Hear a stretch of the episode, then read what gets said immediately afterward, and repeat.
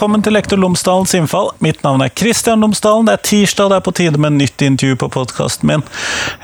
Denne ukens intervju er med Lise Øhn Jones, som har forsket på fengselsskolen i Norge. Og vi skal snakke litt om hva disse fengslene er. Eller disse skolene er, heter det vel rettere sagt. Hvordan de er lagt opp, hvordan elevmassen ser ut. Og vi skal snakke litt om forskjellige sider ved fengselsskolen. Dette er et tema som jeg har vært fascinert av, men som jeg ikke har visst så altfor mye om. Eh, og jeg mistenker at det ikke er så altfor mange som vet så altfor mye om disse skolene. Med mindre de jobber der selv, selvfølgelig. Så sånt, det tror jeg kan være interessant for mange å høre mer om. Men i hvert fall, her kommer intervjuet. Vær så god.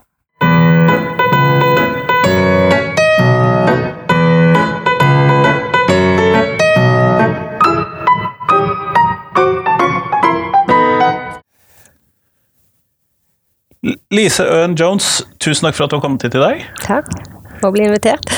Før vi starter selve intervjuet, kunne du ha fortalt lytterne mine tre ting om deg selv, sånn at de kan bli litt bedre kjent med deg. Ja, jeg har eh, hovedfag i pedagogikk eh, og faglærer utdannet i kroppsøving og samfunnsfag. Eh, og så har jeg da jobbet i oppfølgingstjenesten, PP-tjenesten, i nesten tre år her i Hordaland fylkeskommune. Og så begynte jeg på doktorgrad, så nå jobber jeg som førsteamanuensis på Institutt for samfunnspsykologi på Det psykologiske fakultetet. En del av Universitetet i Bergen. Yes. Og Der underviser jeg i eh, skoleopplæringspsykologi for de som skal bli psykologer. Og så underviser jeg i motivasjonspsykologi. Ja, Men det er ingen av de tingene vi skal snakke om her i dag. Nei, nei. Fordi at det vi skal snakke om her i dag, det er skole når den foregår i fengselet. Ja. Eh, og da bør vi vel kanskje starte med hva er det? Ja, først kan jeg si at doktorgraden min, som jeg var ferdig med i 2012, den gikk på å kartlegge da, et representativt utvalg av eh, innsatte i norske fengsel. Eh, med både at de selvrapporterte lese- skriveferdigheter, mestringsforventninger. Eh, og så reiste jeg rundt da, i syv fengsler og kartla da en undergruppe av disse som hadde svart på spørreskjema. Så jeg, siden 2012 så har jeg jobbet med ja, forskning omkring innsatte, og særlig fokus på lese- og skriveferdigheter og utdanning. Ja, og ja. det er jo nettopp temaet i dag. Ja, ja, ja. men, men sånn, hva er, det, hva er skole i fengselet? Hva er det? Ja, Nei, skole i fengselet, det er jo En kan kanskje tenke på det som at det er noe annet enn det utenfor murene, men eh, det er det egentlig ikke. Det er de lokale skolene i nærmiljøet til fengselet som har ansvaret for eh, de innsatte som tar utdanning. Da tenker jeg da videregående opplæring. Eh, og i Norge så har en en sånn organisering av liksom, tjenester utenfor. Sant? Altså skole, eh, helse eh, eh Nav. Altså, de, vi har en sånn, noe som heter en portmodell, sånn at de på en måte, tjenestene utenfor kommer inn og bidrar i, i fengselet. De er ikke der inne, men de kommer fra det lokale. Eh, og der òg er det sånn at de innsatte som da tar utdanning f.eks. I, i Bergen fengsel, de da tilhører Åsane, Åsane videregående skole. Eh, og positivt med den importmodellen er jo at det at de har den lokale tilhørigheten til en skole, er at de òg da får vitnemålet fra Åsane videregående skole. Ikke fra fengselet. Ja, sant? og det har nok en del å si når en skal ut seinere. Eh, og I Danmark så har en en annen type organisering, der en har tjenestene i fengselet. Så det er litt ulikt i de skandinaviske landene. Så skolen er altså på en måte det er de samme lærerne, og de lærerne som da er tilsatt på Åsane videregående f.eks., de underviser i fengselet, og så kan en veksle litt mellom den ja, eh, ordinære skolen og eh, fengselsundervisningen. Ja, Sånn at det er i bunn og grunn relativt vanlig skoledrift? Ja, ja, det er det. Det er klart Klassen er nok mindre. Eh, det er mer, litt ja, tilrettelagt ut ifra de som, eh, som, er der. Eh, jeg kjenner ikke, jeg har ikke gått inn i liksom selve fengselsopplegget, men de ulike fengslene de tilbyr jo både sant, allmennfag og uh, yrkesrettede studieretninger. Det er jo litt avhengig av hva fengselet kan tilby, hva de kan drifte. Hva som ligger i nærheten? Uh, ja, men òg en del fengsel har jo da sant, de har uh, laget til ulike verksteder, restaurant- og matfag, at de, har, de tilbyr forskjellige, forskjellige utdanninger innenfor yrkesrettet. da.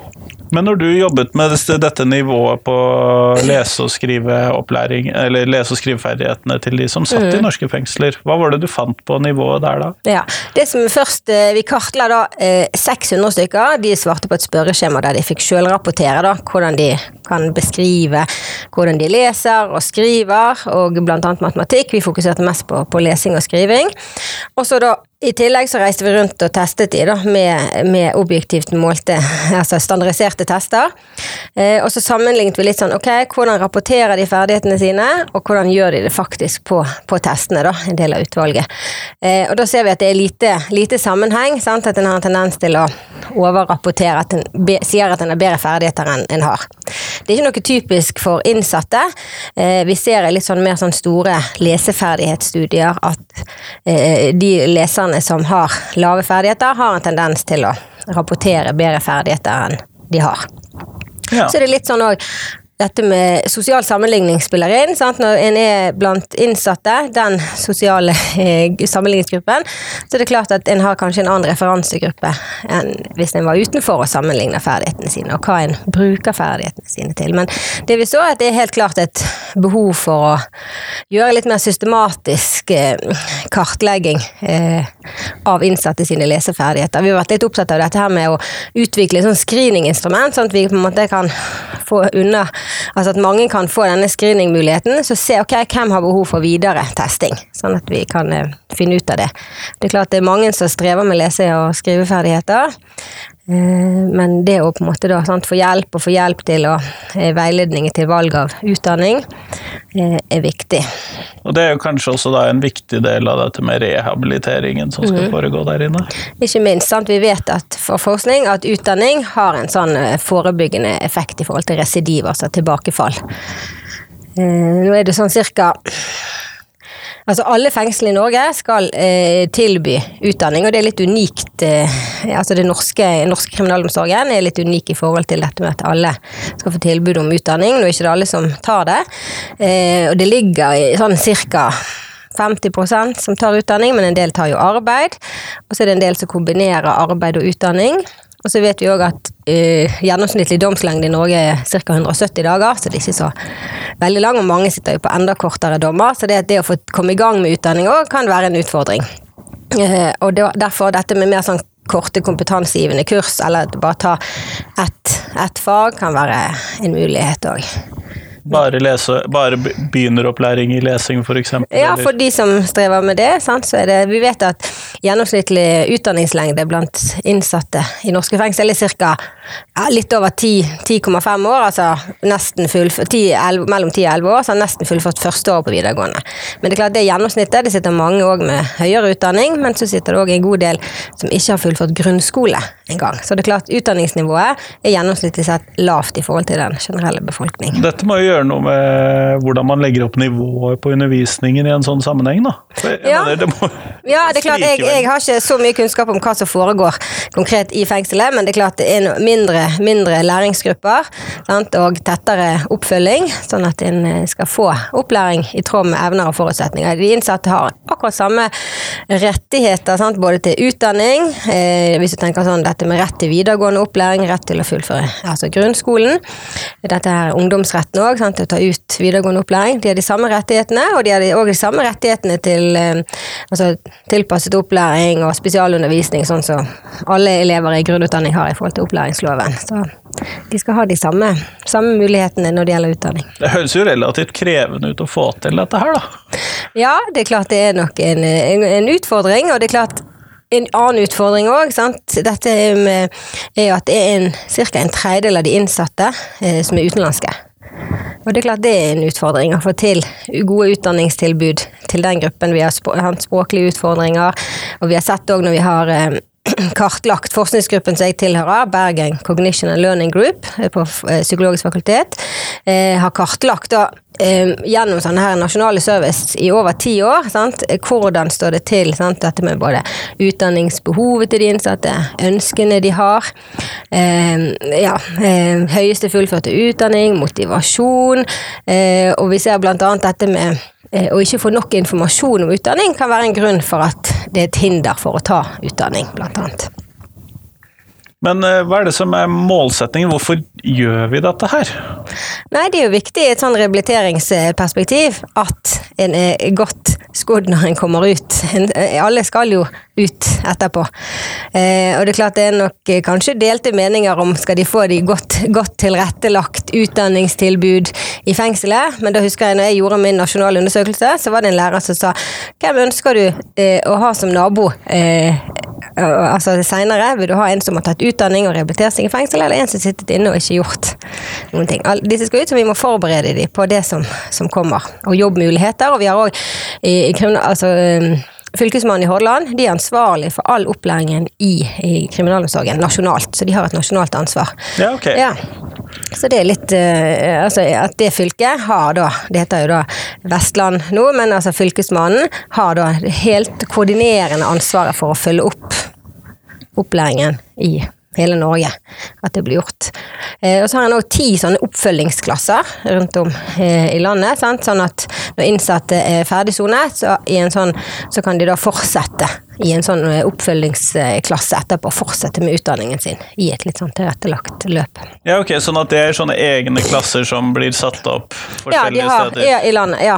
Nå kan jeg heller ikke liksom detaljene rundt liksom selve gjennomføringen, men at det er ti sånne oppfølgingsklasser for å på en måte sant? Når du slipper ut av fengsel, at du har da en mulighet til å fortsette det, ja, fortsette det løpet som du var i gang med. Men ut ifra hva du sa om dette eh, hvem som sitter inne og hva mm. slags eh, utdanningsbakgrunn de har osv. Så, videre. mm. så høres det ut som vi må tilrettelegge for alt fra grunnskole til universitet mm. eller høyskole, da. Mm, det stemmer. Eh, nå er det nok eh, færre som sant, på grunnskolenivå, men det er en eh, liten prosent der. Hovedvekten har jo vært på, på videregående eh, opplæring. Eh, og det er klart, det har, det har en rett til, sant? og da skal en tilrettelegge ut ifra det. Men når det gjelder høyere utdanning, så har ikke en på en måte en rett til å ta det. Ja, det er jo frivillig. Ja, men en skal likevel tilrettelegge eh, for at en skal kunne ta utdanning i fengselet. Men klart, det er nok en utfordring dette med når alt er digitalisert. Sant? Eh, all undervisning er sånn tilgangen, sant? for nettilgangen og sånn. sånn at eh, det er klart eh, en har en del utfordringer. Ja, du får vel ikke fritt sitte på internett nei, og surfe? Nei, det gjør det nok ikke. De jobber jo med det, og de har jo sine sånn nett som de har i kriminalomsorgen. kan jeg heller ikke liksom inngående detaljer Jeg regner med at det er sånn som vi setter opp på eksamen, at de har mm. tilgang til noen få sider? Ja da, de må ha en sånn brannmur også, sant. Eh, ja. Mm. Eh, det høres jo kjent ut. Ja. Eh, men når vi da gir de denne utdanningen, mm ser vi at den har en effekt, selv om det blir sånne korte undervisningsopplegg? For du snakket om at de er her bare litt. Ja, altså som sagt, noen sitter jo på lange dommer, men gjennomsnittlig soningslengde i Norge er ca. 170, 170, dager. Eh, men klart, en del er jo gjengangere òg, sant. Eh, men eh, jeg tror nok det å på en måte ha noe meningsfylt å gjøre, enten om det er arbeid eller, eller utdanning, så er det er viktig både for ja, mestringsfølelse og eh, motivasjon til å gå i gang med utdanning eh, seinere. Men jeg vil tro at når man da sitter i, en, i denne situasjonen, da, som lærer, så eh, vil jeg tro at det er ganske store utfordringer i elevmassen. Mm. Hvis vi skal Jeg tenker sånn i en vanlig klasse så er det kanskje én eller to med ADHD, eller det er kanskje noen med eh, lese- og skrivevansker, eller det er eh, noen med autismespekterdiagnoser mm. eller lignende. Jeg ville tro at det også er en relativt eh, sammensatt gruppe i fengselet i denne mm. sammenhengen også? Eh, det er det nok. altså Basert på den eh, forskningen som vi har gjort, da har vi jo da primært sånn selvrapporteringsmål på en del av eh, disse. Ja, ja. Og da er det nesten altså 30% som rapporterer at de har en ADHD-diagnose. Og så var det ja, bortimot 30% 26% som sier at de har dysleksi. Når vi, når vi stiller spørsmål i spørreskjema, har du fått diagnosen dysleksi. Så det er klart, ut ifra de tallene, selv om vi på en måte selvrapportering er et mål så vi må på en måte ha sine En viss klype salt. Ja, men likevel så er det en høy, høy forekomst eh, av både lese-skrivevansker, eh, ADHD, selvrapportert. Men jeg tror nok òg, selv om jeg ikke på en måte har inngående kjennskap til det som foregår i undervisningen, så er det at dette er mindre, mindre grupper, tettere oppfølging, en kan ha mer individuelle eh, ja, planer for den enkelte. Ja, det gjør det jo lettere. Noe av det Mm. som vi vanlige lærere klager over, er jo ofte klassestørrelse. sånn at Mm. Mm. Ja da, nei, det er nok ikke klassestørrelser på 30 i fengselet, så vidt jeg vet. Så ja. Nei, jeg kan se at det er, uh, gir en forskjell. Eh, men hva er det vi som jobber i vanlig skole, eller vanlige samfunnsborgere Ja. for den saks skyld, trenger også vite om eh, undervisning i fengsel eller skole i fengselet? Er det noe vi trenger å vite om det? Jeg tenker jo det at, som sagt, det er jo de lokale nærskolene som har ansvaret, så det, det er jo på en måte det samme. sant? Det er en del av samfunnet? Det er en del av samfunnet, og så det faktisk at det å være eh, innsatt i fengsel, det at du faktisk har de samme rettighetene til, til utdanning, eh, at det er viktig at en vet om at eh, en skal ha de samme det, Frihetsberøvelsen din er fratatt, men ellers så skal en ha de samme rettighetene som samfunnsborgere ellers. Du blir ikke fratatt rettigheten til utdanning. Nei, nei. nei altså i tillegg sant, til disse her, eh, nasjonale lovverk og sånn, så har en jo òg internasjonale konvensjoner, altså fengselsregler òg. Dette med altså, skal tilrettelegge for utdanning. Og vi vet faktisk at det er særlig den yngste gruppen av innsatte som sant, ikke har fullført videregående og som rapporterer flest eh, læringsutfordringer òg. Så det er klart det er en, en sårbar gruppe. Det vil jeg tro. Hva tenker du at vi som jobber i vanlige skoler kan lære av det man driver, av, driver med i fengselsskolene? Ja. Nei, altså jeg tenker denne, ja, tett, eh, tett oppfølging på elevene. Eh, ja. Se hva behov de har. Legge til rette for mestringsopplevelser. Jeg har vært opptatt av dette når jeg har eh, Vi har kartlagt eh, innsatte sant, i forhold til læringsutfordringer, men også sett på dette med hva, hva opplever du, hva mestrer du? Og det har en litt mer sånn positivt fokus enn denne rene kartleggingen av vanskene. Så dette med mestringsforventninger, det er jo på en måte at du skal si hva er du i stand til å gjøre sant? I- på et gitt tidspunkt, og så en ganske sånn spesifikk oppgave. Så det å, å spørre òg hva, hva forventer du å mestre? Hva, hva er hva er dine mestringsforventninger ganske sånn på konkrete oppgaver? Og det tenker jeg er litt sånn viktig å spørre elever òg, eh, utenfor. Men det handler litt om dette med eh, og hvis en har helt urealistiske mestringsforventninger, det å liksom realitetsorientere òg i forhold til å velge rett type utdanning, sånn at ikke liksom disse her eh, Opplevelsen av å mislykkes kanskje kommer igjen, og at en del vi vet at en del av innsatte sant, har droppet ut av skolen. Så det å legge til rette for gode mestringsopplevelser, og tilrettelegge ut ifra det faglige nivået de er på, sant? og så dette med mål, sant? at en har mål som en liksom må strekke seg etter. Sant? Men som er realistiske. Men ja, det er akkurat det, sant? men en må liksom kjenne at en liksom strekker seg litt, men realistisk. Og da må jo læreren vite en del om eleven sin. Han må vite sant? litt i forhold til hva læringsutfordringer eleven har. Ehm, ja, litt sånn i forhold til eh, Har han et realistisk bilde av seg sjøl og sine ferdigheter? Sant? Skal vi liksom justere kursen litt? Og det tenker jeg, den kunnskapen der er jo viktig for alle, alle elever i skolen. At læreren kjenner eleven sin og kan eh, tilrettelegge. Selv om en ikke skal sitte med sånn si, i Åndene skole 30 ulike eh, opplæringsplaner, men det er noe med å liksom, ja, kjenne eleven, kjenne eh, hvor en, hva mål, sant? hvordan en skal jobbe. Og det er jo litt synd hvis man Og det vil jeg tro at gjelder for veldig mange av disse elevene, at de har hatt hva skal vi kalle det, dårlige mestringsopplevelser som en del av sin skolegang. Ja da, når vi ser, sant, vi ser på dette med, med gjennomsnittlig utdanningslengde, så er jo mange De har ikke fullført videregående opplæring, og det er klart de har droppet ut. Sant? Og Ja. det kan være mange årsaker til de har eh, droppet ut av eh, skole. Men det å liksom da bygge eh, ja, Bygge mestring. Bygge mestring og få de til å ja, lykkes med utdanning. Eh, og det, er jo- det vi har sett i forhold til dette med å kartlegge ulike typer motivasjon. Sant? Det kan godt hende at denne med, dette med motivasjon det kan også endre seg underveis. Kanskje noen eh, søker til skolen fordi de vil bort fra cellen. Sant? De har andre eh, medinnsatt, går på skole. At dette er på en måte en sånn tidsfordriv. At de Det er det beste stedet å henge. ja, sant? At de har lyst til å komme seg i skolen, de- de vil ikke arbeide.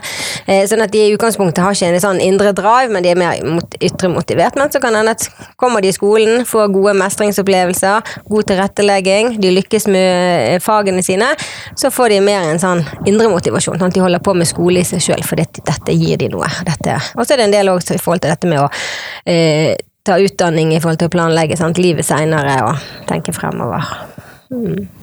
Ja, jeg vil tro at det er en ganske variert motivasjonsbase her. Ja, det er det nok. Det er det nok blant mine elever òg, Mm, men eh, ja. jeg vil jo tro at mange gjør det fordi at det er forventet av dem. Men her så er det jo eh, kanskje lettere å motivere seg hvis man Ja, ser at det kan forandre noe. Ja, dette med å få en litt sånn second chance. Sant? Altså Hvis du har mislykket i skolen før, nå sitter du inne, kanskje du har ja, sant, rutiner eh, på ting som du ikke har hatt eh, utenfor. Og det å få tilgang til skole, tett oppfølging, det kan være eh, noe som en del verdsetter. Og tar sjansen på å ta utdanning. Det ser jeg. Ja. Men de som jobber i fengselet, har de noen annen utdanning enn eh, lærere som jobber på gåseøyne vanlige skoler? Eh, ja, nei, lærere som jobber eh, i fengselet, de har jo samme utdanning som lærerne, i og med at de tilhører en vanlig videregående eh, skole. Eh, men eh, for et par år siden så startet universitetet opp et etterutdanningstilbud, 15 studiepoeng. Et emne som heter da kriminalomsorgs- og læringsarena, det heter PAD 665, da, denne studiekoden. Og nå har vi kjørt to runder med det, og det, jo, det er jo på en måte for lærere som jobber særlig tilknyttet fengselsopplæring, men vi har òg andre målgrupper. Det er åpent, eh, men at det, det er mm, et bachelorkrav for å komme inn. Og vi har sett at eh, dette her, da får de på en måte Uh, ulike forelesninger i aktuell tematikk, altså dette med lese-skrivevansker, atferdsvansker, rus uh, kriminalitet, psykiatri. Eh, utenlandske innsatte, og vi har eh, folk fra Fylkesmannen òg som tar en liksom generell gjennomgang av organiseringen av eh, kriminalomsorgen og opplæringen der. Så vi har fått eh, gode forelesere fra ulike steder i, i, i Norge, så det har vært et godt studie der det er sånn de har eh, to samlinger om våren og to samlinger om høsten, og så har de en sånn liten miniekskursjon til eh, Bergen fengsel. Skriver en sånn eh, emneoppgave. Så nå fikk vi litt få deltakere til årets oppstart, for vi har et sånt minimumskrav på ti stykker. Men det er klart det koster jo litt, sånn at det er en, en faktor som spiller inn her. Men vi håper at det er et godt tilbud til å på en måte få litt sånn spesifikt rettet eh, kunnskap da, om den målgruppen din underviser. Ja, for det er jo en særlig målgruppe. Mm, det er det, og det å ha da særlig kunnskaper om ulike læringsutfordringer, sånn at lese, skrive, ADHD, dette med rus og kriminalitet, psykiatri. Vi også at det er en stor andel eh, innsatte som rapporterer psykiske eh, vansker fra Ja. andre studier. Mm. Kjempeflott. Nå går vi mot slutten av podkasten, og da Ja. lurte jeg på om eh, jeg, Eller det vil si, da skal jeg stille deg spørsmålet som jeg pleier å stille. Og det jeg lurer på da, er eh, hvis du skulle lage et nytt fag i norsk skole, og hvis du skulle gi det et navn og du skulle fylle det med et innhold, hva skulle det faget være? Ja. Eh, nei, eh, som utdannet kroppsøvingslærer så tror jeg hadde fokusert på noe i den retning. Så jeg tenker kanskje noe sånn fysisk aktivitet og helse. Sant? Eh, Vi vet dette med inaktivitet, eh, overvekt. Altså det er eh, et samfunnsproblem. Så jeg tenker liksom det med tidlig ja, mer fysisk aktivitet og relatert til mer sånn helseperspektivet. Så fysisk aktivitet og helse tror jeg hadde kalt eh, faget. Kjempeflott. Ja. Tusen takk. Ja, bare hyggelig.